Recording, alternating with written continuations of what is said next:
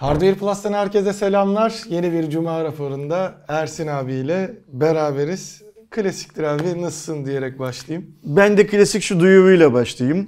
Şimdi bizim hvp.com.tr diye bir web sitemiz var Erdoğan. Öyle ateş şu toz bulutu halinden anlatayım. Orada dışarıdan yazan, yazı yazan, haber yapan editör arkadaşlarımız var.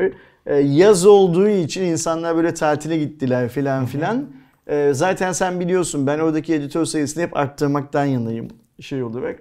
Ee, 3 haftadan beri de düzenli olarak duyuru yapıyoruz. Diyoruz ki eğer İngilizce biliyorsanız, teknolojiyle ilgiliyseniz ve daha önce herhangi bir yazım dene- deneyiminiz varsa gelin hvp.com.tr'nin dış yazar kadrosuna katılın. hvp.com.tr'nin editörlerinden bir tanesi olun Evet. diye. Birçok başvuru geliyor sağ olsun arkadaşlardan.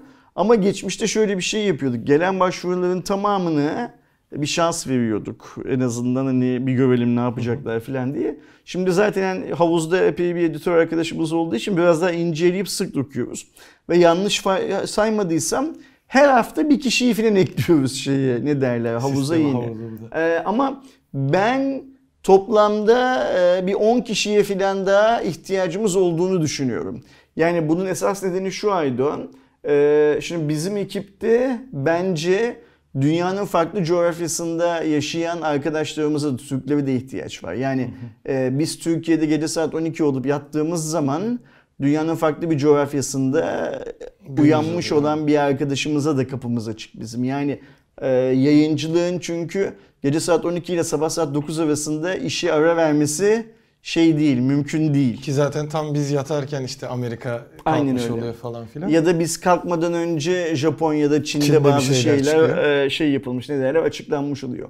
O yüzden e, hala editor revision'dayız. Ve bizi izlemesine rağmen bugüne kadar başvurmayan arkadaşlarımız varsa lütfen ersinetvp.com.tr'ye bir mail göndersinler. Hatta süreci hızlandıralım. E, genellikle arkadaşlar haklı olarak çünkü ben konuyla ilgileniyorum, ben yapabilirim diyorlar. Ya da işte bazısı CV'sini ekliyor filan.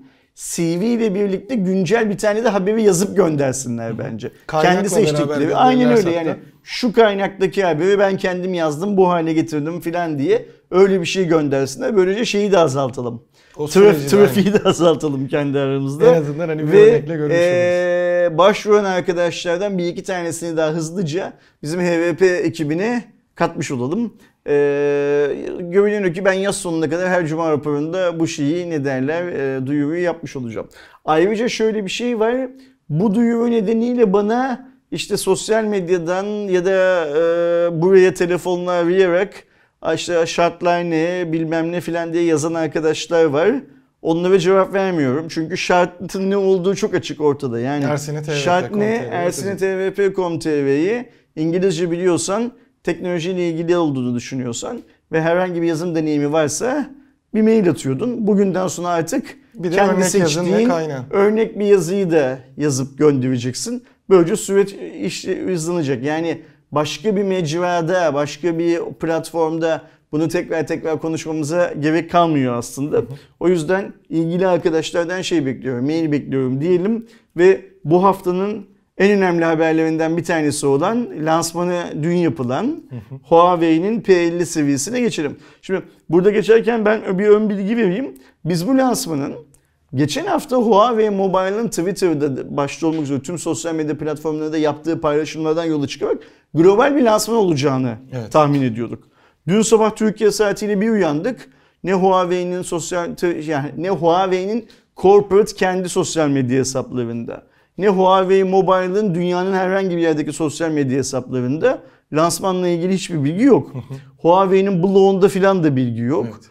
Çinli web sitelerinde e, gördüğüm kadarıyla lansman yapılacak filan gibi bilgiler var teknoloji sitelerinde ama detayları anlamak Çince bilmediğim için pek mümkün değil. Biz ne yaptık? Kalktık Huawei Türkiye'ye sorduk.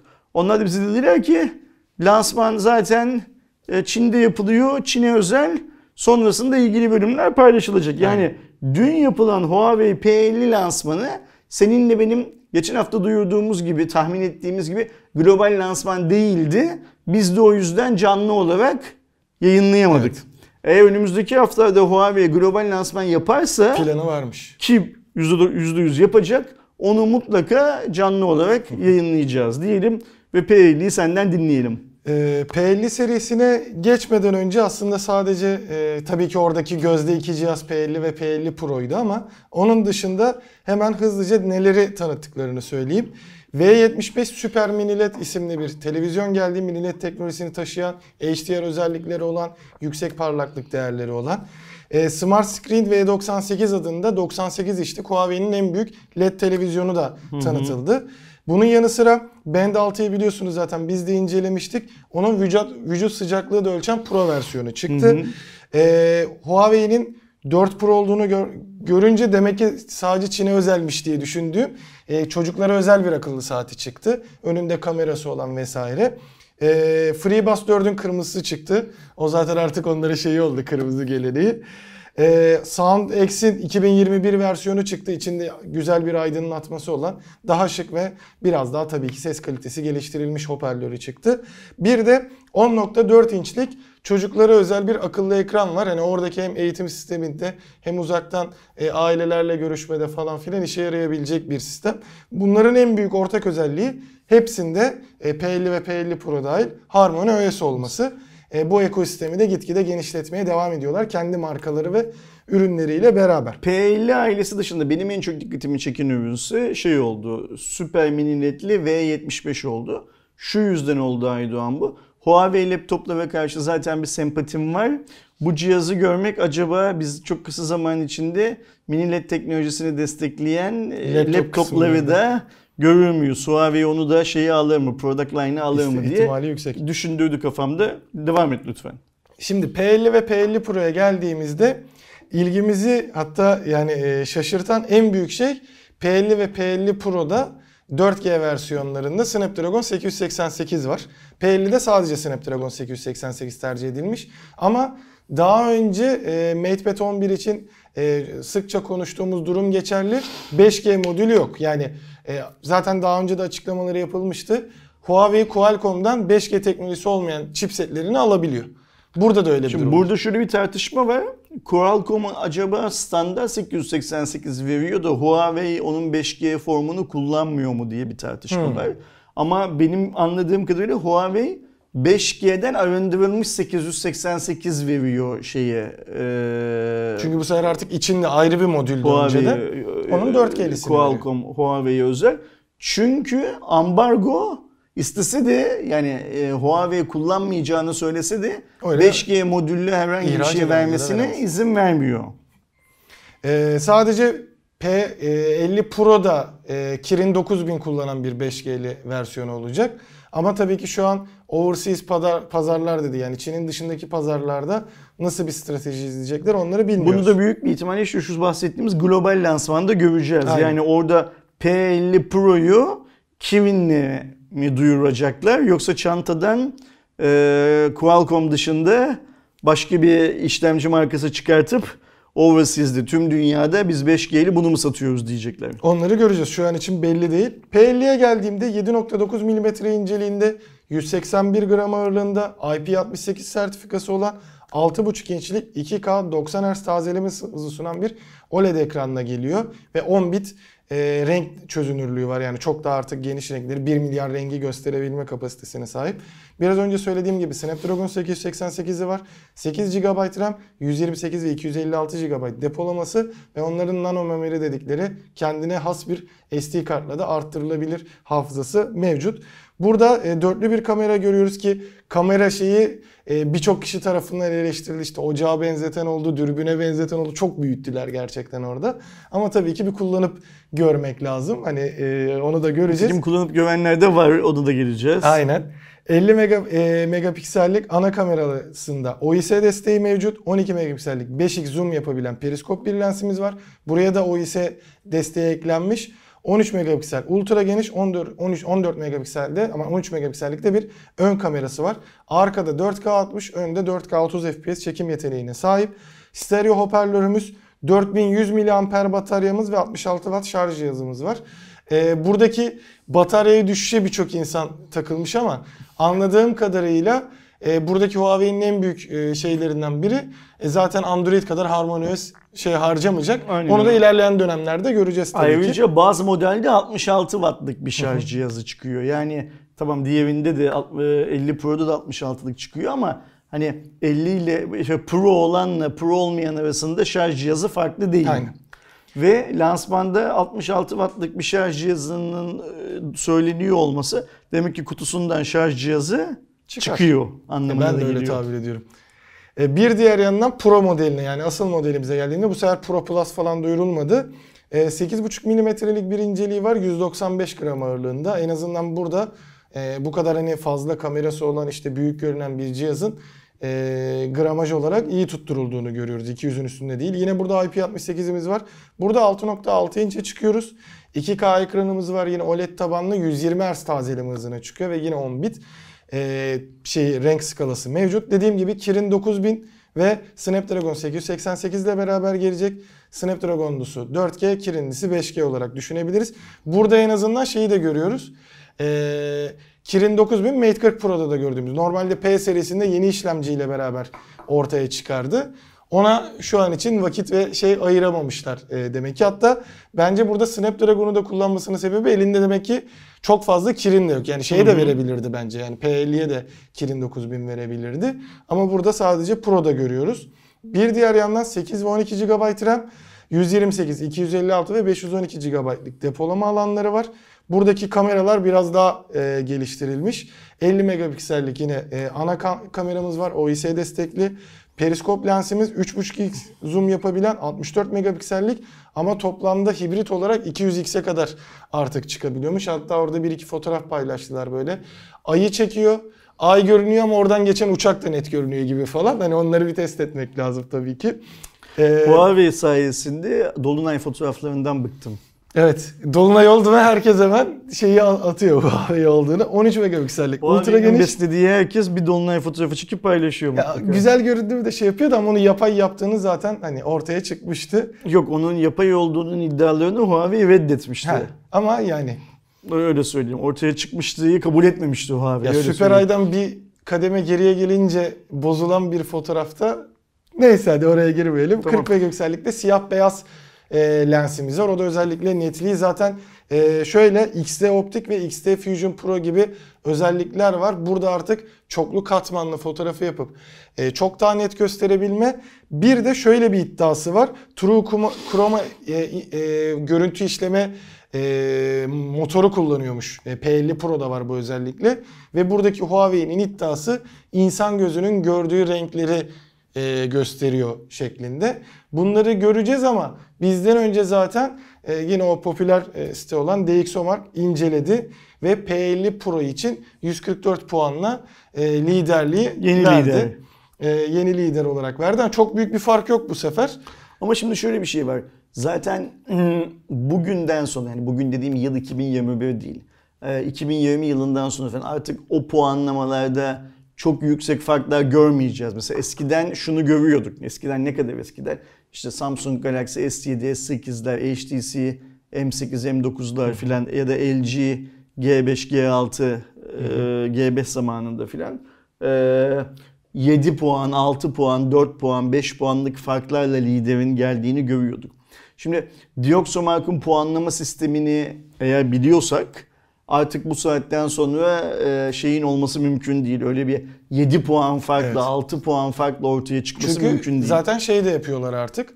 Ee, işte DxOMark'ın sunduğu şeylerde işte bu söylediğim mesela e, XT Optik, XT Fusion Flow, True Chroma e, image sensörü işte görüntü işleme sensörü gibi e, motoru gibi şeyleri kullanmıyorlar zaten. Çünkü tüm cihazlarda yok bunlar. Aynen. Yani Eşit şeylerde, o olana buradan puan verirse olmayanla ve haksızlık yapılacak. Aynen. Bir de şöyle bir şey var şimdi. Dioxomark çok yakın zamanda kendi benchmark değerlerini değiştirdi. Bundan bir yıl önce değiştirdi. Hala daha güncelliyor. Ee, ara ara güncelliyor da. Yani onlar da şu anda şeyin farkındalar. Endüstrinin e, her markanın farklı özelliklerle fa- şey yapmaya çalıştığını, ayrışmaya çalıştığını, kendi test skalalarının artık çok da yeterli gelmediğinin farkındalar ama Evet. onlar için bir çözüm yolu yok şu anda ortalıkta. Ee, ben tahmin ediyorum ki biz e, 2022 yılında da Aydoğan böyle e, bir puan farklarla eşit puanlı şeyin değiştiğini, liderliğin değiştiğini vesaire gibi şeyler göreceğiz. Kesinlikle zaten hani burada şeye de baktığımızda DxO Max skorlarına videoyu çok iyi bir şekilde toparladığı görünüyor ki yine orada da e, videografi olarak da çok geliştirdiklerinden bahsediyorlardı. E, bir diğer yandan zoom'la o konusunda 200x zoom yapmaktan ziyade o yakın çünkü yine DxO Max mesela 200x'e bakmıyor orada. Belli başlı yanlış hatırlamıyorsam yakın, orta, uzak diye 3 kademesi var ve uzak dediği 5x zoom'la beraber. Orada 140 puan alarak orada bir ayrı rekor kırdı telelensiyle beraber. En azından yakın mesafe dediğimiz o işte e, işin şova kaçan kısımlarında değildi. Kabul edilebilir mesafelerde bayağı iyi şey yaptığını görüyoruz ki gerçekten bu sefer bayağı övmüşler. Hani detaylı, gece gündüzde iyi, e, düşük ışıkta e, gürültünün az gittiği gibi e, birçok şeyden bahsetmişler. Yine ufak tefek tabii düşük ışıkta e, eksiklikleri varmış ama onlar zaten neredeyse her cihazda olan eksiklikler olduğu Hı hı. için fotoğraf konusunda başarılı olduklarını net bir şekilde söyleyebiliriz. Makroda da 2,5 santime indirmişler. Son dönemde e, yani son bir senedir bu makro konusunda gerçekten birçok marka artık yeni bir kapı bulduğu için çalışıyor. İşte biz de mesela örneğin Poco F3 için gerçekten çok güzel makro çektiğini söylüyoruz. İşte Oppo kanadı Find X3 Pro'da gitti. Ee, artık nasıl diyeyim onu Ee, mikroskop seviyesine indirdi falan gibi. Burada da 2,5 santimden gayet net fotoğraflar çekebildiğini söylüyor. 4360 miliamperi var. Yine teknik olarak az. Geçen seneki modellere göre vesaire baktığımızda. Ama yine dediğimiz gibi buradaki savı HarmonyOS ile beraber zaten sorunsuz bir şekilde çalışacağı. 66 watt şarjımız var. Burada bir de 55 wattlık kablosuz şarj desteği mevcut. Ee, P50 Pro'da. Ee, renk seçeneklerinde yine böyle güzel farklı renklerde sunmuşlar. Ee, bakalım ama yani Türkiye'ye gelebilme ihtimali yüksek ama tabi e, P50 P50 Pro'yu beraber mi getirirler, tek mi getirirler, Snapdragon mı gelir, Kirin mi gelir bunları ilerleyen dönemlerde Snapdragon göreceğiz. gelir, 4G gelir. Bana da öyle diyor. Hem daha şey olur, e, bütçesel olarak daha düşük olmak için ama bunların hepsini ilerleyen dönemlerde göreceğiz. Zaten gelirse ederse global lansmanında da e, sizlere aktarmış oluruz diyelim. P50 serisi böyleydi. Ee, bir diğer yandan son dönemde zaten hani hep e, haberleri bize de aldığımız işte bu kripto parada son bir senedir çok ciddi artışı varken özellikle yeni yılla beraber yani 2021 yılında çok ciddi artış olduğunu Crypto.com e, söyledi. Kul- kullanımında artış oldu. Evet. Yani arkadaşlarımız değer yükseliyor tabii diye ki. anlamasınlar. Yani kripto para e, konusuna giren insanlar e, Ocak'tan bu yana yani 7 aylık bir süreçte Ocak-Temmuz arasında %80 artmış ve bu süreçte 100 milyon insan en azından kripto para almaya satmaya belki mining yapmaya vesaire yani bu dünyaya adım atmışlar. Şimdi Crypto.com aslında bir kripto para borsası. Yani alım satım işlerinden e, komisyon olarak hayatta kalan bir borsa. Bu tarz ticari kurumların tabii ki e, söyleyecekleri şey yani hep büyüyoruz. Büyüdük, %80 büyüdük bilmem ne filan demek. Araştırma şirketi değil sonuç olarak. O yüzden bu tarz verileri hep böyle ya he he deyip kafamızın bir kenarında kalsın. Yani e, ben de tahmin ediyorum dünyanın her yerinde kripto paraları olan ilgi artıyordur. Dünyanın her yerinde kripto parayı e, alışverişin bir parçası olarak kullanmaya başlıyor insanlar. Devletler işte açıklıyorlar filan bu şartlarda. Şimdi ha, %80-60 mıdır? %80 böyle biraz şey bir rakam. E, abartılı bir rakam gibi. E, ama yine de şeyi unutmamak Şey lazım. olabilir bu arada bence. Sadece hesap açmış olanlar bile Muhtemelen. buna dahil Ee, edilmiştir. şimdi onlara sorsak tabii ki onun matematiksel bir şeyi vardır açıklaması. Hani üfürmüyorlardır kendilerince. Şeyi unutmamak lazım burada. Ee, bu daha da artacak. Yani Bitcoin'in değeri işte 60 binlerden 30 binlere kadar filan düşmüş olsa da büyük bir zarar olsa da şu an dünyada küçük yatırımcı dediğimiz senin benim gibi adamların neredeyse çoğu zararda olduklarını söylüyorlar. Hani bu şey muhabbeti vardı ya kasap bakkal ben de alacağım dediği Aynen. zaman çık muhabbeti vardı işte o zaman düşmeye başladı zaten. Ama ne olursa olsun e, olay burada. Ha bekleyen kazanacak mı kazanmayacak mı ne zaman kazanacak ne zaman başı baş noktasına gelecek falan onları bilmiyoruz tabii ki şey anlamında. Fakat senin söylediğin gibi kripto para herhangi bir borsada kripto para hesabı açanların sayısı ya da kripto parayla alışveriş yapanların sayısı her geçen gün artıyor. Bu e, yasaklarla filan durdurulabilecek bir durumda değil aynı zamanda. sadece regülasyonla kontrol altına alınabilecek bir durum. Bakalım dünyada ilk mantıklı regülasyon hangi ülkede ne zaman uygulanmaya başlayacak? O günden sonra biz o ülke özelinde daha sağlıklı rakamlar almaya başlarız zaten şey anlamında. Öyle görünüyor. Bir diğer yandan bizim de e, lansmanını yaptığımız ve önümüzdeki haftada yani Türkiye'ye geldiğini e, görmeyi beklediğimiz Poco X3, X3'ün GT versiyonu e, hı hı. tanıtıldı. Özelliklerine baktığımızda 6.6 inçlik Full HD Plus 120 Hz tazeleme hızı sunan bir ekran. Burada önemli artılardan biri Gorilla Glass Victus gibi son seviye bir şey. Çünkü özellikle Poco fiyat performans olduğu için 3-5 falan kullandığını gördük. En azından ekranın e, direkt kutu içeriğinden çıkan şekilde daha dayanıklı olduğunu görüyoruz. Dimensity 1100 kullanıyor. Bunu da bir görmek lazım. Snapdragon'un 860-870'ine rakip olarak görünüyor kağıt üzerinde ama pratikte de görmek lazım. 8 GB RAM'imiz, 128-256 depolamamız, 64-8 2 megapiksellik arka 16 megapiksel ön kameramız, 5000 mAh'i 67 Watt'la doldurduğumuz bir bataryamız 45-42 dakika gibi sürelerde e, dolduruyor 5000 mAh olduğu için. Bu da çok iyi bir değer. Ve e, fiyatlara dolar bazında baktığımızda e, 828 300 8256 350 dolardı. Biz e, lansmanı e, Hindistan, Hi, Pakistan, Pakistan, Pakistan. E, üzerinden yaptık. Oradaki fiyatlara baktığımızda e, 3-3,5 civarındaydı. Yani direkt Pakistan'daki fiyatını TL'ye çevirdiğimizde.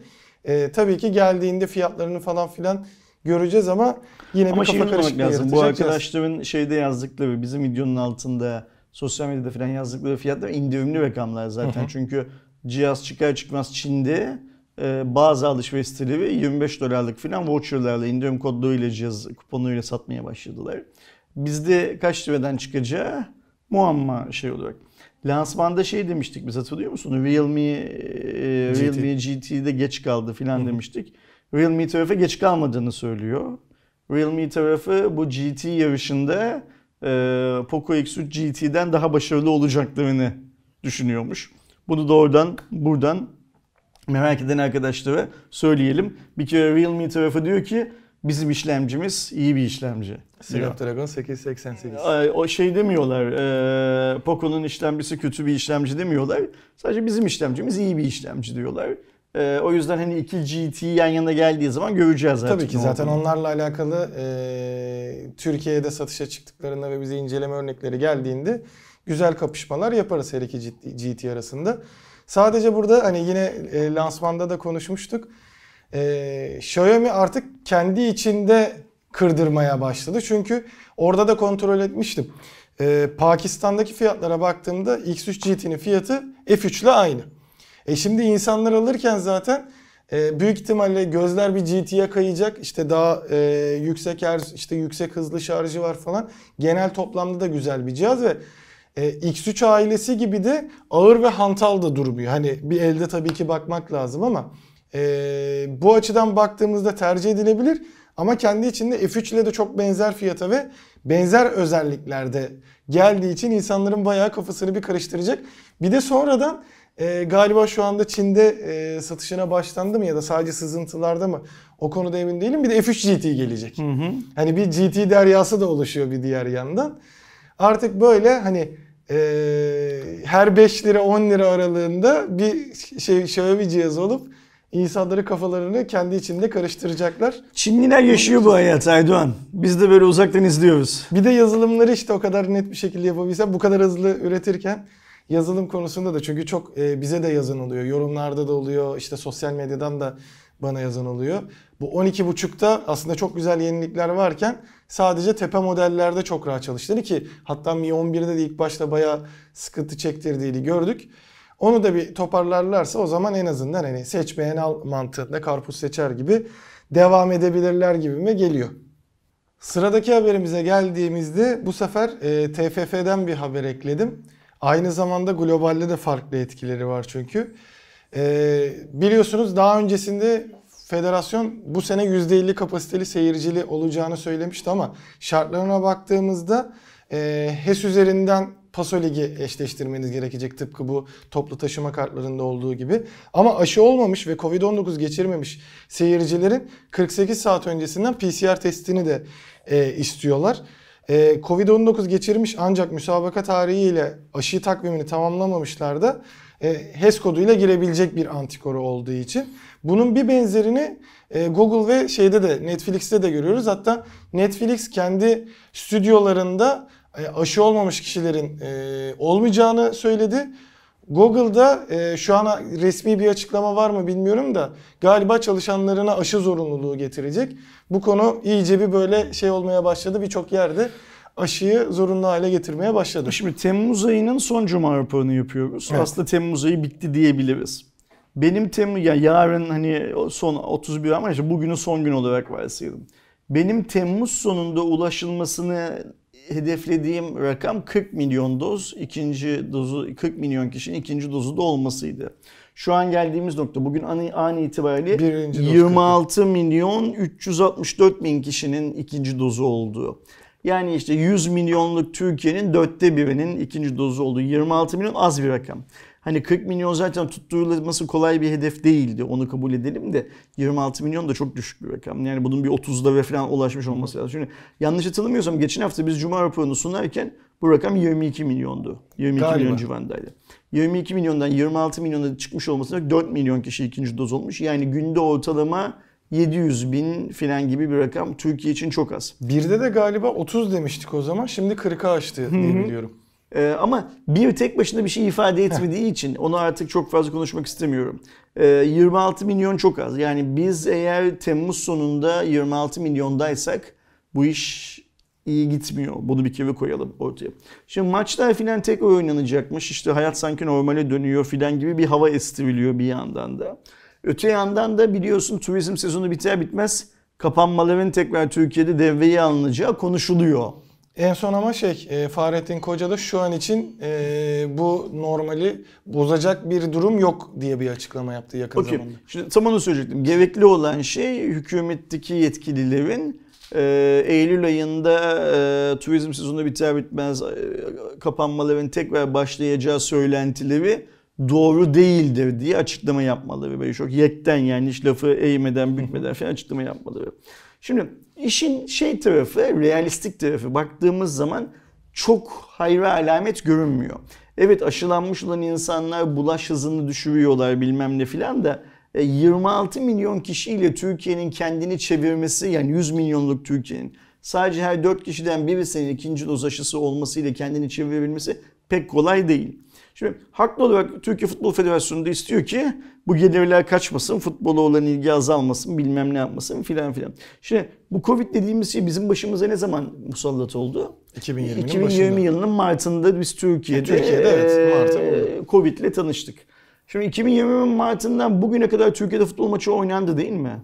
Evet. Heh, oynandı. Ve o maçlara gitmek yasaktı değil mi? Çünkü- Ya son bir sezondur falan ya sen ne zaman kapattın? Bir buçuk sezon Okey. diyelim hadi. Tam Ve şey biz o yasak olan maçlarda bile tribünlerde her maçta bir 1000-1500 kişi 1000 gördük. 1500 kişinin olduğunu gördük değil mi? Şimdi Fahrettin Koca buna bir şey söylüyor da Fahrettin Koca hiçbir zaman kalkıp ben o işte bilmem ne sporla bilmem ne sporun yaptığı şeyde ne derler maçta tribünlerde bu kadar seyirci olmasını bu ülkenin sağlık bakanı olarak doğru bulmuyorum diyebildi mi? Demedi. Zaten e, birçok yerde de şöyle bir sıkıntı var. Mesela işte geçtiğimiz günlerde e, tabii maçı takip ettim. Galatasaray'ın 2-1 yenildiği PSV maçında burada oynanan. Hatta o gün kendimce de bayağıdır maça gitmiyorum. Gitsem mi diye de bir düşündüm. E, şey üzerinden hani biletimi satın alıp. Şeyi de fark ettim. Bu aynı zamanda Euro 2020'de de çok vardı. Normalde kurallara baktığınızda içeri girerken işte belli başlı şeyleri karşılaman gerekiyor. TFF'nin yaptığı gibi. Ve içeride maskeli olman gerekiyor. Ama Galatasaray maçında da işte Euro 2020'de de e, UEFA bizden alınan UEFA kupası finalinde de hiçbirinde mesela insanlar maske takmıyor. Şimdi maske, Boşlukta ma- bırakmıyor. maskeye gelmeden öte şunu tartışacağız Aydoğan. Maça gitmek serbest miydi? Aslında değil. Sadece belli e, şey hakkı veriyorlar takımlara. Ne diyorlar? Davet hakkı veriyorlar. Onları kullanıyor insan. Okey. Şimdi biz Galatasaray'ın son maçından da bahsetmeyelim. Biz geçen yıl Türkiye'de oynanan maçlara tü- seyirci alınmayacağı söylendi bize. O maçların hepsinde 1000 ya da 1500 kişilik seyirci grupları vardı. Hiç kimse maçın yapıldığı ilim valisi, sağlık müdürü, sağlık bakanı, cumhurbaşkanı hiç kimse e, şey yapmadı ne derler bu türbünlerde niye bu insanlar var diye sorgulamadı. Ayrıca evinden dışarı çıkmayan insanlar da sorgulamadı. Yani biz evimizden dışarı çıkmıyoruz. Bu adamlar bu maça nasıl gittiler diye de kimse sorgulamadı. Çok az kesim. Tıpkı İsrail konsolosluğunun önünde gösteri yapıldığı zaman da doğru düzgün hiçbir e, yetkilinin açıklama yapmadığı, işte bazı siyasi partilerin toplantılarının yapılmasından sonra o şehirlerde Covid oranının yükselmesi ne- nedeniyle de hiç kimsenin sorumluluk almadığı, açıklama yapmadığı filan gibi. Şimdi bunu niye hat- hatırlattım biliyor musun? Yasak varken bile bu iş yönetilemedi Türkiye'de. Şimdi Türkiye Futbol Federasyonu kendince haklı olarak diyor ki biz bunun diyor bir normunu belirleyelim. Kapıda şu kontrolü yapalım, bu kontrolü yapalım. Ulan sen yasak varken 1000-1500 kişinin o stada girmesine engel olamadın. Şimdi bu normlarla o 60 bin kişi olacak statta. Ya bir de şeydi bu arada. Ee, engel olamadı durumu değil. Oradakiler zaten takım davetlileri olduğu için e, TFF'nin de şeyi oluyor aslında davetlisi gibi oluyorlar. İşte o şeyi söylemeye çalışıyorum. Yani genel olarak Türkiye'de maça gitmek yasakken TFF ya da futbol şeyleri, Kulüpleri. kulüpleri, ya da atıyorum emniyet güçleri ya da o ilin belediyesi, kaymakamı her neyse 1000-1500 kişinin tribünde buluşmasına izin verdiler zaten. Şimdi diyorlar ki normları belirleyelim, insanlar gelsin. Yani burada bir şey var. Ee, ne derler? Farklı bir sorun var. Şöyle bir hikaye var. Ee, tüm dünya Covid'den sıkıldı. Hepimiz çok Evet, sıkıldık. Bu çok doğru. Ee, ama şeye bakmak lazım. Hayattan sıkıldık mı? Buna bakmak lazım. Mesela ben henüz hayattan sıkılmadım. Yani yani henüz kendimi ölmeye hazır hissetmiyorum öyle söyleyeyim.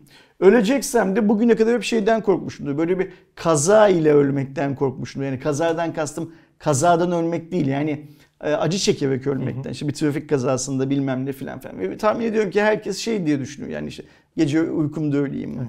İşte hastanede beni zaten yere uyuşturmuşlar o zaman öleyim bilmem ne filan diye ister. Ama şimdi mesela ben Covid'den de özellikle ölmek istemiyorum. Çünkü Covid bulaşması şans eseri olan bir bulaşma değil. Bak mesela biz bir yılı aşkın süredir bu ofiste kendimizi Covid'den koruyabildik. Değil mi? Evet. Yani hani çok mu sıkıldık? Çok sıkıldık. Doğru. Ee, muhtemelen belki ufak tefek bazı psikolojik sorunlar geliştirdik filan filan.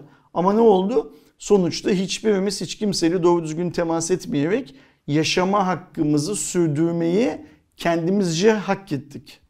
Aynen. Yani mesela hani eee, dışarıda arkadaşlarımızla buluştuğumuz oldu. Kapanma döneminde evlerde buluştuğumuz oldu. En azından ben kendim için diyeyim. E bunları demek ki bilinçli ve sen o sırada e işte sen de görüştün falan diyenler de çıkarsa diye diyorum. E bunu demek ki ben belli bir kendim de bir standarda norma oturtturmuşum ki kendimi koruyabilmişim. Şimdi o yüzden bana öyle geliyor ki hayat normale dönsün. Bak şimdi bunu daha önce seninle çok konuştuk. Bu da Cuma raporunda da konuştuk zaten. Bugün bir AVM'ye gidiyorsun. Bir şey alman lazım. Ee, sen biliyorsun ben AVM'ye falan gitmemeye çalışıyorum mümkün olduğu kadar. Ee, ve şu işte açıldığımızdan beri de hiç gitmedim galiba. Gidecek olduğum zaman da bir noktaya gidip işimi halledip hemen çıkmaktan yanayım. Ben maske takıyorum. Açık hava, havalı bir AVM bile olsa Orada restoranda oturan yanından yürüdüğüm kardeşlerimiz maske takmıyorlar. Ya çifte standartlar o kadar fazla ki. Şimdi bak eğer bir futbol maçında diyelim ki Fenerbahçe Galatasaray maçında işte diyecekler ki stat 60 bin kişi ama 30 bin. buraya en fazla 30 bin kişi gelebilir. 30 bini aşacak, aşacak tabii ki rakam. Burası Türkiye. Buradan dağılacak olan Covid'i ikinci dozla, üçüncü dozla şey yapamazsın. Zaten şu dönemde mesela 20 binlere çıktı. Hani Aynen tek öyle. şeyi hani burada o zaman aşı olmayalım durumu da kesinlikle çıkmasın hani ya da öyle bir şey düşünmeyin. Çünkü e, verilere baktığımızda zaten hani aşı sizi Covid'den koruma koruma kısmını geçirmezsiniz bir daha anlamında değil.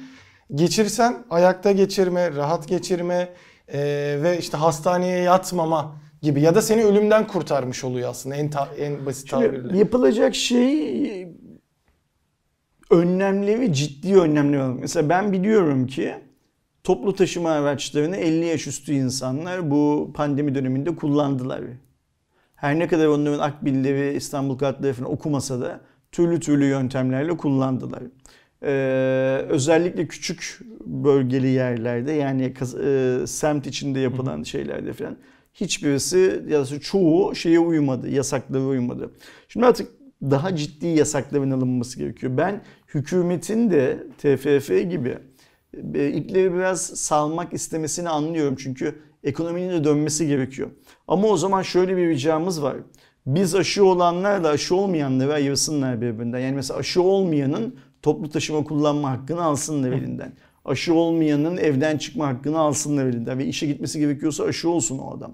Çünkü o adamların aşı olmaması demek e, bu hastalığın penetrasyonunun azalmaması anlamına geliyor. Yani bulaşma ivmesi azalmıyor.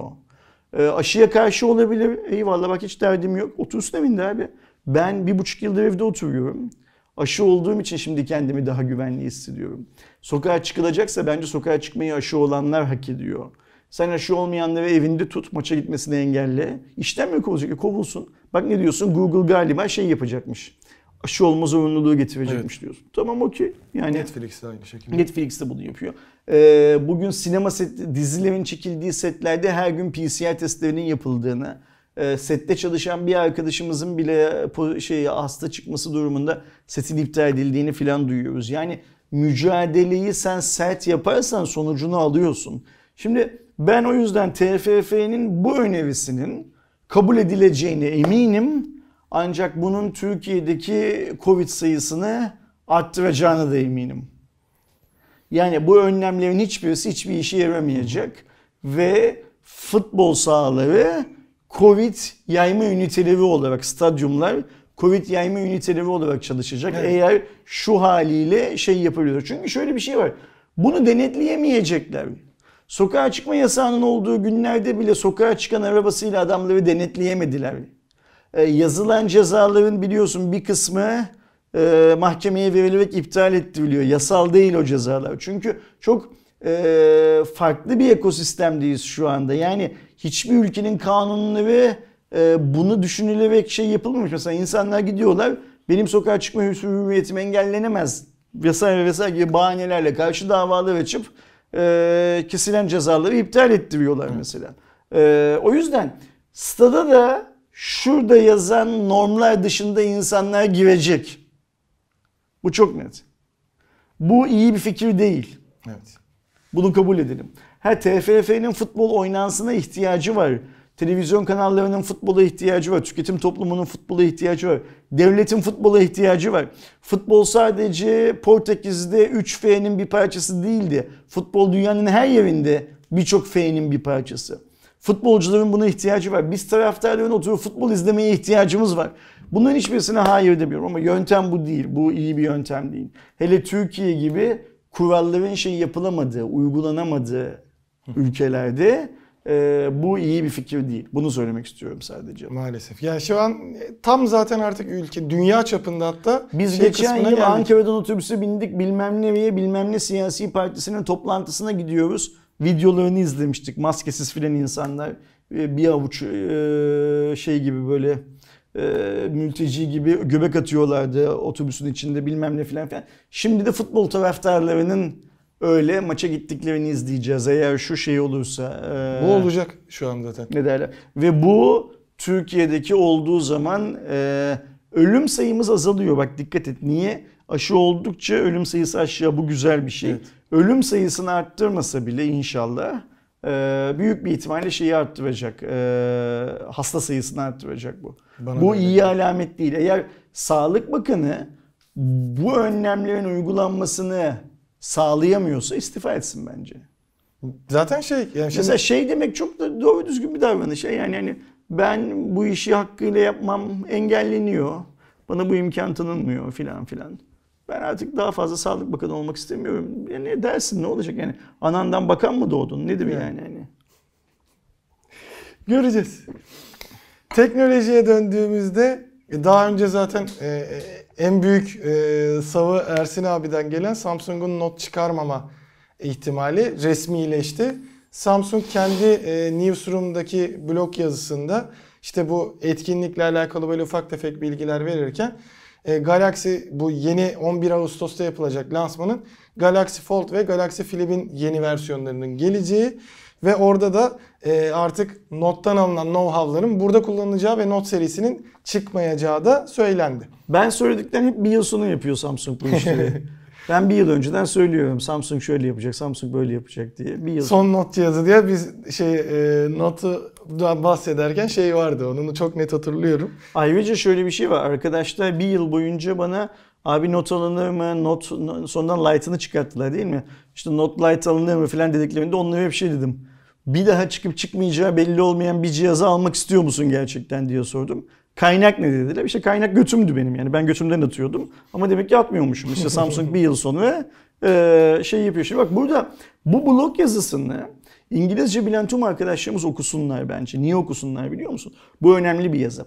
Samsung e, kendi sızıntısını kendisi yapıyor aslında. Şimdi not kullananlara da şey yapmamak lazım. Küstürmemek lazım ya markaya. Bak diyor foldable'a geldik bilmem ne filan filan. Şimdi bakın şunu hiç unutmayın.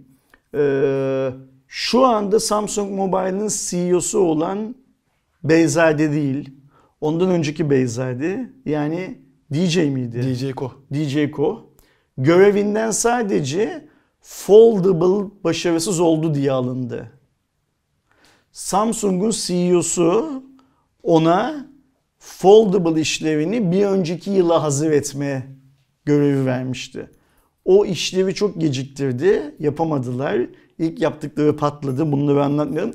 Huawei ile aynı anda yine dönelim en son gittiğimiz MVC'de karşı karşıya alanlarda şey yaptılar. İki ne tane derler? foldable cihaz vardı. Ve Samsung'un dünyadaki Samsung Mobile'ın dünyadaki CEO'su bana kalırsa şey bir adam ne derler ee, önemli bir adamdı. Bu başarısızlık yüzünden ayağı kaydırıldı şirketten ve dikkat et Samsung bir süredir Foldable'la çok fazla adını anmamaya çalışıyordu. Çünkü eksikler olduğu çok belliydi gelişi. Şimdi bak sen bu blog yazısı baştan sona foldable yazısı. Yani Samsung pandemide dersine çalışmış. Katlanabilirlik konusundaki dersine çalışmış. Bu o yüzden diyorum arkadaşlar dikkatli okusun o yazıyı. Biz büyük bir ihtimalle önümüzdeki yılın başı itibariyle e, foldable cihazları 3 yıl gecikmeyle ama Samsung CEO'sunun hesabına göre 4 yıl gecikmeyle e, sorunsuz çalışır halde görmeye başlayacağız. Yani foldable Samsung'un ihmali yüzünden tüm sektörde topal ördekti. Yürüyemiyordu. Önümüzdeki yılbaşı itibariyle ben ve blog yazısını anlıyorum ki tüm dünyada tekrar foldable şeyleri esecek. Hmm, ne derler? Ben e, sırf bu yüzden mesela lansmanı biraz daha merak etmeye başladım. Zaten onun işte davetiye şeyine baktığınızda e, bir tane böyle uzun katlı diğer tarafta da pembe renkli bir katlı var. Biri flip biri fold zaten belli ki yani oradaki e, ima edilmeye çalışılan Unpacked etkinliğinde. Ben bu açıklamadan sonra hem çok üzüldüm. Çünkü ben notu gerçekten seven taraftaydım. E, not kullanmaktan keyif alan taraftaydım ve kalemi de kullananlardan biriydi, biriydi en azından o kendi ortalamasını. Kalem büyük bir ihtimalle onu da şimdiden söyleyeyim. Kalem büyük bir ihtimalle üst segment cihazlarda opsiyonel olarak Aynen. satılacak. Yani S-Pen. desteği olacak. Aynen sen istersen Yani alacaksın. Sen atıyorum e, S seviyesinin en üst modelini aldığın zaman baz modelde olmayacak büyük bir ihtimalle. Ya da bu Samsung S10e gibi ya da Apple'ın şimdi yaptığı bu miniler bilmem neler falan gibi gelecekte Samsung'un çıkartacağı Samsung çıkartacak onları kesinlikle tabii. çıkarmayacak. F'ler devam edecek. Yani F'ler devam edecek, Light'lar devam edecek. Samsung şey de çıkartacak. Bu S10e'de gördüğümüz gibi e, amiral gemisinin küçük boyunu, daha ekonomik fiyatlısını falan da çıkartacak. Samsung da mecbur onu yapmaya. Yani adedi arttırmak zorunda Apple karşısında. Biz o cihazların tamamının üst versiyonlarında S Pen desteğini göreceğiz. Sen eğer S Pen şey yapıyor istiyorsan alıp S Pen kullan. Ama tabii şöyle bir şey var. Cihazın kendi gövdesinde S Pen'i koyacak bir yer olmadıktan sonra S Pen ne işe yarar? Hiçbir işe yaramaz. Ben şeyde Benim gibi bir adam mesela. için S Pen sadece sağda solda unutmaya yarar Aynen. mesela. Ee, şeyde de mesela şu an işte MatePad 11'i kullanıyorum. Ee, onun da bir kalem desteği var ve kalemi sadece manyetik olarak koyabiliyorum. Bir yuvası yok kalemin büyüklüğünden kaynaklı. Ben de mesela hani çantamdan çıkartırken bile orada kalıp sonra 1-2 gün orada kaldığı oluyor. Çok normal. Ee, ben şeyi bekliyorum ama göreceğiz hani şu anda bir sızıntısını falan da görmedim ama büyük ihtimalle büyük olan Fold'da yani Flip değil Fold'da bu sefer dahili yapmayı denerler gibime geliyor içerisinde. Ve işte Fold'la beraber büyük ihtimalle orada birçok şey yapacaklardır. Onu da zaten sizlere aktarırız. Orada bir değerlendiririz diye düşünüyorum. Samsung için hayırlı olsun. Bu tüm dünyada o çok olduğunu Samsung'un iddia ettiği not kullanıcıları için kötü bir haber. Tabii. Ve o not kullanıcılarını markadan soğutacak da bir haber aynı Ben onu zamanda. merak ediyorum. Şu an not kullanıcıları ne yapacak mesela cihaz yenileceği zaman? Aynen öyle. Yani onu da Samsung efendi düşünecek. Ya Fold'a geçirmesi tamam planı da ya onlara ama ciddi indirim yapması lazım. Onu da Şimdi şöyle saçma bir şey olur. var. Notu not olduğu için kullanan adam varsa dünyada o folda geçmez. Bana da öyle geliyor. Notu Ese havalı notu havalı olduğu için kullanan adam varsa o folda geçer. Bu geçer. Ama orada da tabii çok ciddi fiyat farkı olacak. Yani dünyanın her yerinde böyle Samsung'da biraz para harcasın. Yani hep öyle tombik beslemekle olmuyor bu işte. Biraz da şeyine müşterisine yatırım yapsın. Hep sana bana mı yatırıyor? Al Aydoğan şu parayı koy cebine benimle ilgili iyi ki güzel şeyi söyle mi yapacak hep yani? O da doğru. Sana verdiği yeter biraz da müşteriye versin. Devam edelim. Ee, Intel bildiğiniz gibi NUC isminde kendi mini PC'leri vardı. Şimdi de ne, e, ne, oyuncu... ne, ne şeyse bir süredir de yoktu bu Evet PC'ler. yani şey böyle çok fazla duymuyorduk. Hani Türkiye'de bir ara çok şey PR'ını da yaptılar onlar. Çok net hatırlıyorum. Şimdi yenilendi tabii. Küçük modelleri de yani o normal taşınabilir olan e, modelleri de yenilendi. Bir de NUC 11 serisine zaten Pro'su var. E, farklı farklı isimlendirmeleri var. Extreme adında bu sefer oyunculara yönelik bir mini PC geldi. E, baktığımızda 11. nesil Intel Core i7 ve i9 işlemcilerini kullanıyor. Ee, bir diğer yandan RTX 3060 var. Asus'un ürettiği çift fanlı e, bir e, RTX 3060 var. Daha doğrusu Asus'un elinden geçen Nvidia'nın e, ekran kartı var. Baktığımızda 4 tane M.2 SSD desteği, 2, ta, 2 adet Thunderbolt 4 bağlantısı, microSD kart desteği gibi RGB aydınlatmanın da olduğu bir e, ürün duyurdular. 1150 ila 1350 dolar e, fiyatlarda değişiyor işte seçtiğiniz özelliklere göre. Ve ilk ortaya çıkan incelemelerde de bayağı da sevilmiş hani şey olarak. Ve ne gariptir ki tamamen tesadüftür ki bu Twitch'in eee çok Twitch'in diyorum şeyin kendi oyun konsolunu duyurmasından sonra Steam'in. Steam'in kendi oyun konsolunu duyurmasından sonra geldi bu haber ortalığa. Tesadüf olarak şey yapıyorsunuz ne derler inanıyorsunuz. Demek ki burada şöyle bir kanal olduğunu varsayıyorlar. İşte dünyada son zaten bir buçuk yıldan beri falan laptop laptop adına neredeyse her şey satılıyor. Bir de şunları iteleyelim millet. Hani bir zamanlar netbook'ları itelemişlerdi ya. Hiçbir işe yaramayan cihazları. Bir sadece Internet Explorer çalıştırabiliyordu. Bir de şimdi bunları iteleyelim millete. Bir iki yıla da bunlar çocuk oyuncağı olsun evlerde. Daha önce tablet, netbook'tan sonra tabletlerin falan olduğu gibi e, iteleme sırası şeye geldi diye. Ben e, tıpkı oyun konsollarına ihtiyacımız olmadığını düşündüğüm gibi şu formattaki laptoplara da ihtiyacımız olmadığını düşünenlerdenim. Onu da şey yapayım söyleyeyim. Yani ben de hiç şeylere mini PC'lere şey diyeyim hani NUC'lar hadi şey olarak hani ofiste işte şey yer tasarrufu yapmak. Önceden çünkü şeyleri hatırlıyorum. Ee, ofislerde ya da işte devlet dairelerinde e, o koca kasaların üzerinde monitörler falan vardı. Şimdi tam minicik şeyle halledebiliyorsun. Ama bunu e, ne Intel kanadı ne mini PC yapan diğer işte üçüncü parti markalar da Asus'u da MSI'yi da bilmem nesi de e, Mac Mini kadar yapamadılar. Şimdi Mac Mini M1 ile beraber biraz daha iyi seviyeye geldi. Hatta yapılan testlerde üst paketlerini tercih ettiğinde e, bayağı iş de yapabildiğin yani sadece o mini PC'ler normal dediğimiz gibi yani ofis kullanımı, basit kullanımlar içindir. Onu da iyi yapabildiğini geldi. Burada ona rakip getiriyorsan e, formun yine büyük. Tamam bir mini PC'sin de yanında sonuçta bir kasa taşıman gerekiyor falan. Bana da bir pek şey gelmedi. Intel şu NUC 11 Extreme piyasaya sürsün. Senin ÖMS, Asus falan derken hepsi buna benzer bir şeyler çıkartırlar piyasaya zaten. Elim verim falan var zaten. Yine bir ortaklaşa yapıyordu. Şimdi yani ama Gelir, ben gelir. oyuncu olsam ve işte masaüstü bilgisayar toplamak istesem niye mini PC toplayayım? Tam bir Şimdi masaüstü yapalım. Rahatlıkla ki, değiştirebilirim. Ya pahalı olanı 1350 dolar. Amerika için hiçbir şey değil diyecekler de. Arkadaşlar şöyle söyleyeyim, Amerikalı 1300 dolara etiket gördüğü her şeyi satın alıyor zannediyor arkadaşlar. Hani Amerikalı için pahalı ve Ama- Amerikalı için de öyle. 1300 dolarlık yani, Yani- 1000 dolar orada bizim böyle bir 20-30 bin liralık cihazlar gibi bir algı uyandırıyor Ama onu bilgisayarda. Amerikalı Best Buy'a gittiği zaman 1000 dolara çok iyi bir laptop alıyor kendisine ve o laptopta bu oyunların oyunların hepsini oynuyor zaten şey olarak. O yüzden 1350 dolar Amerikalı için de pahalı. Bakalım görelim burada Intel'in vardır bir hesabı. Yani bu Ne çıkacak ben de merak tamamen bir iteleme operasyonu bu. Bakalım kime ne itileyecekler. Sıradaki haberimiz de e, yeni bir dijital platformun yavaş yavaş geliş ayak sesleri. Zaten hani şu anda Netflix'i, Exxen'i, Blue TV'si, yerli yabancı şeyleri görüyoruz. Disney Plus da bekleniyor.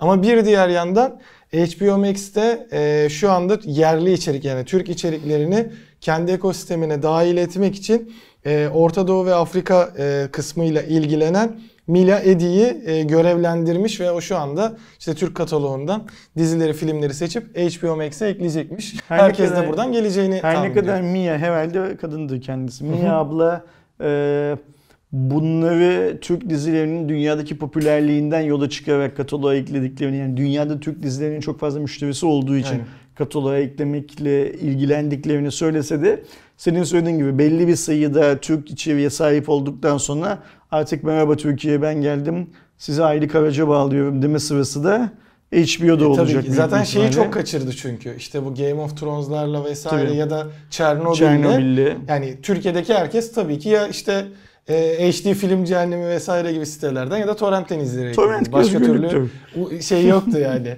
E, Ayrıca ulaşma şeyleri yoktu. Modern zamanlarda iyi dizi üreten e, kanal HBO bunu kabul etmek Evet, lazım. son dönemlerde. Son Tutur- dönemde yani tutturuyor adam. 2000 yılının başından beri HBO her yıl en az bir tane e, şey olan, hype olan dizi mutlaka çıkartmayı başarıyor. E, o şey de yok hani e, Netflix'teki kısır döngü de yok. Aynı senaryo bir sarışınlarla, bir esmerlerle, bir çekik gözlülerle falan da çekilmiyor. Hani öyle bir şey Yani yok. zaten şeye baktım şimdi tam bu şekilde konuşurken.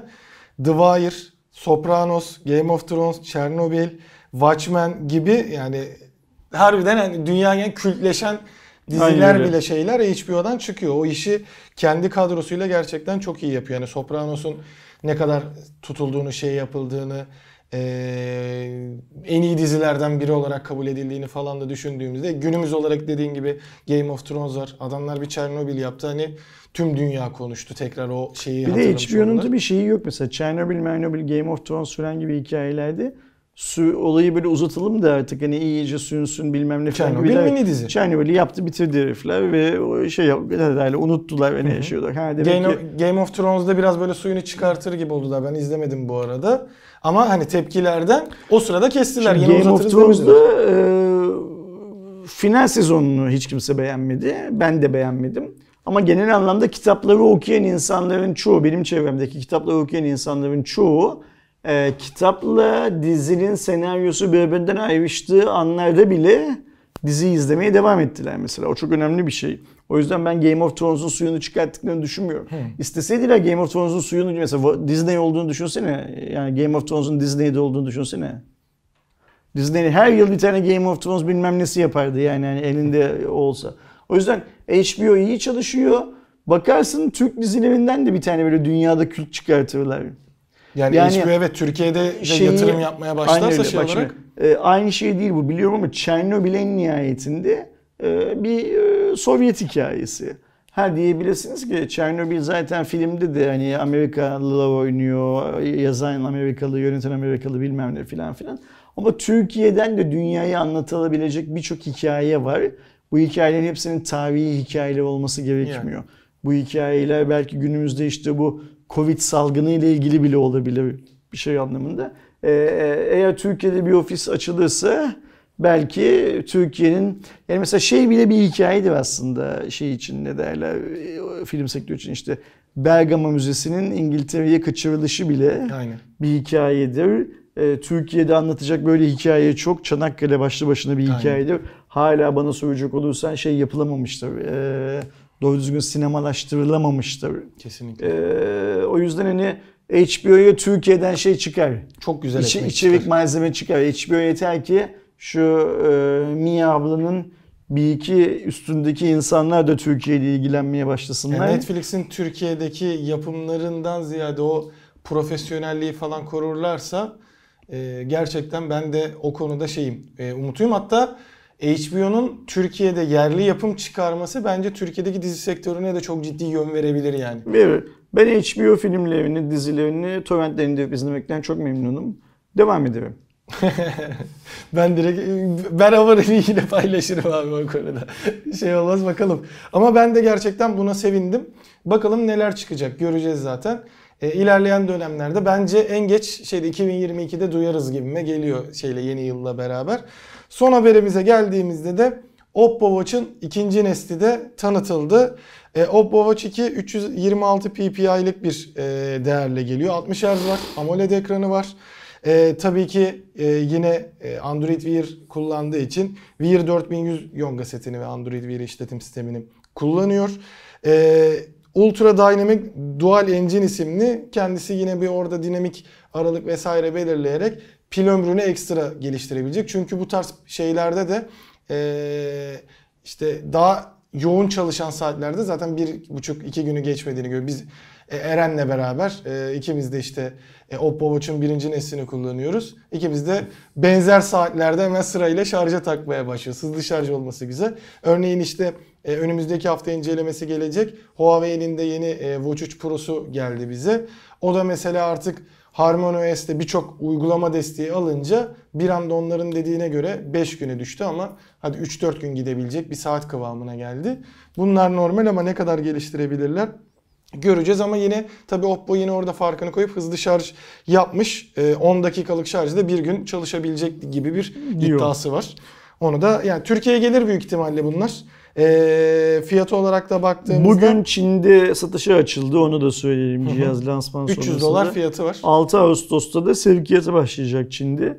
300 dolar fiyatı var ama e-simli modeli. Evet 200 dolar e-simsiz. E-simsize bakalım. Çünkü Türkiye'deki e-sim yalan çalışmıyor. Evet, bunda da var ee, şu an. 200 dolar e-simsiz modeli. Doları kaç liradan hesaplayalım? 8'den hesaplamak 8'den mi hesaplayalım? İyi tamam 100 ne yapıyor 200 lira? 1600 lira. 1600 lira artı. Ha? Bence de 9'dan hesaplamak sanki daha doğru gibi. Ha, 1600 lira ile 1800 lira arasında vergisiz bir şeyi var ne derler fiyatı var. Yani. Hmm, bakalım göreceğiz kaç lira olacağını. Ee, ama senin de söylediğin gibi e, Huawei'nin cihazlarından sonra, kol saatlerinden sonra piyasadaki tüm markaların e, pil kul ömrü olarak e, Huawei standartlarına ulaşması gerekiyor. Öte diğer türlü diğer markaların çok fazla bir şeyi kalmıyor benim gözümde. Şansı kalmıyor benim gözümde.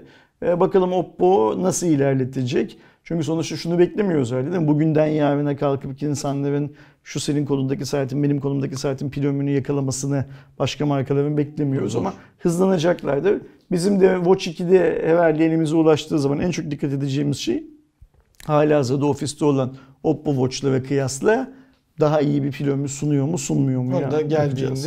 deneriz. E şey olursa bu arada e gelirse e, ben şey ihtimali görmeye başlarım. E, acaba diğer taraftan bir çalışma var da ona göre mi getirecekler diye. Mesela bunda zaten tek modelde eSIM hepsinde var da e, Samsung'dur, Oppo'dur da eSIM'ini getirirse o eSIM'i telefona göre saate aktarabilme muhabbetinin artık bence şu dönemde yapılması lazım ki e, sonuçta ürünlerin belli başlı özellikleri varsa bizler de kullanabilelim onu. İddia girelim mi? Gelmez mi diyorsun? 30.07.2022 tarihine kadar bugünden sonraki 365 günü sana vereyim. Tamam. Ee, ben bu söylediğin şeyin önümüzdeki bir yıl içinde olmayacağını iddia edeyim. Sen de olacağını iddia et kendine tamam. güveniyorsan. Bence ihtimali var. Öyle mi? Kerem abi kaybetti. Ne, ne? Ben Kerem değilim. Nesin, nesine? Ne olsun? Değerli bir şey olsun. Bir yıl sana zaman veriyorum. Çok tamam. önemli bir şey. Sen söyle o zaman abi. Onun manevi değeri yüksek. Ay, adamın kafasındaki değerli şey kelle paça. ya ben sana kafasına... Ay süper. Yo kelle paça benim de kafamda da değerli bir şey. Yani kendin yapacaksan oturup. Olur. Yapabiliyor musun? Denerim. Yani çekinmem yapmayı. Peki ya ortaya kötü bir şey çıkarsa ne olacak? Ee, o zaman başka bir şeye çevirmemiz gerekir. Okey ama ben yapamam. Şimdi kaybedersem benim de yapmam ha. lazım. Okey biz seninle iddiaya girelim. Sen düşün iddianın nesini olacak. Önümüzdeki hafta Cuma raporunda arkadaşlarla paylaşalım. Olur. Ben diyorum ki e-sim konusunda önümüzdeki 365 gün boyunca dünyada uygulanan e-sim şeyleri Türkiye'de uygulanmaya başlamayacak diyorum. Sen de diyorsun ki Oppo onu yapıyorsa, Huawei bunu yapıyorsa, Samsung şunu yapıyorsa filan filan belki uygulanır diyorsun. Ben Türkiye'de e-SIM'in bir yalan olduğunu söylüyorum. Sen de e-SIM önemli bir teknoloji. Türkiye tabii ki bu teknolojide şey yapacaktır. Olmalı diyorum Ee, aslında. ö- önüne- üstüne düşen görevi alıp uygulamaya sokacaktır Bugünden tabii itibaren ki. e, diyorsun. kampanya başlatıyor. Her gün e, Türk Telekom'a, Türk Seleman'a falan BTK'ya şey yapıp e, tweet atıp şey yapıp bir kitle oluşturalım şu e-SIM'i kullanalım diye şey olarak. Saatlerde de kullanılabilsin diye bakalım. Hadi hayırlısı kısmet diyorum ben de sadece. Ve böylece arkadaşlar 165. Cuma raporunun da sonuna geliyoruz. Önümüzdeki hafta 166. Cuma raporunda burada olacağız. Aydoğan da 166. Cuma raporunda iddianın şeyini açıklayacak. Hediye Evet, kısmını aynen. açıklayacak. Ölmez de önümüzdeki bir yıl boyunca sağ kalmayı başarırsak Ormanlarımız bir, kalırsa. bir yıl sonra aynen öyle daha yeşil bir Türkiye'de iddianın kazananını da şey yaparız, e, açıklarız. E, ve e, yani böyle yemeli içmeli filan filan bir şeyse zaten ona ayrıca şey yap ama ben şunu söyleyeyim sana ben bugüne kadar Hardware Plus çalışanlarıyla girdiğim iddiaların çoğunu kazandım. Evet biliyorum. Yani hani Ben de o yüzden hiç girmiyordum artık zorunda kaldık. Bakalım ben bu şeyi kırarım. keşke bir yıl önce de Samsung Note seviyesini bi- bitirecek diye iddiaya girseydik. Ben ona da ihtimal verdiği için ona girmezdim. Onu da keserim yani. Okey, tamam. Arkadaşlar bu hafta da böyle gülmeli eğlenceli bir son oldu. Kusurumuza bakmayın. Biraz böyle şeyle bir yelkenli ve suya indirdik ama arada sırada böyle şeyler yapmak lazım. Bazen Önümüzdeki hafta tutmak Aydoğan'la birlikte tekrar karşınızda oluruz. Görüşünceye kadar kendinize iyi bakın. Hoşçakalın. Hoşçakalın.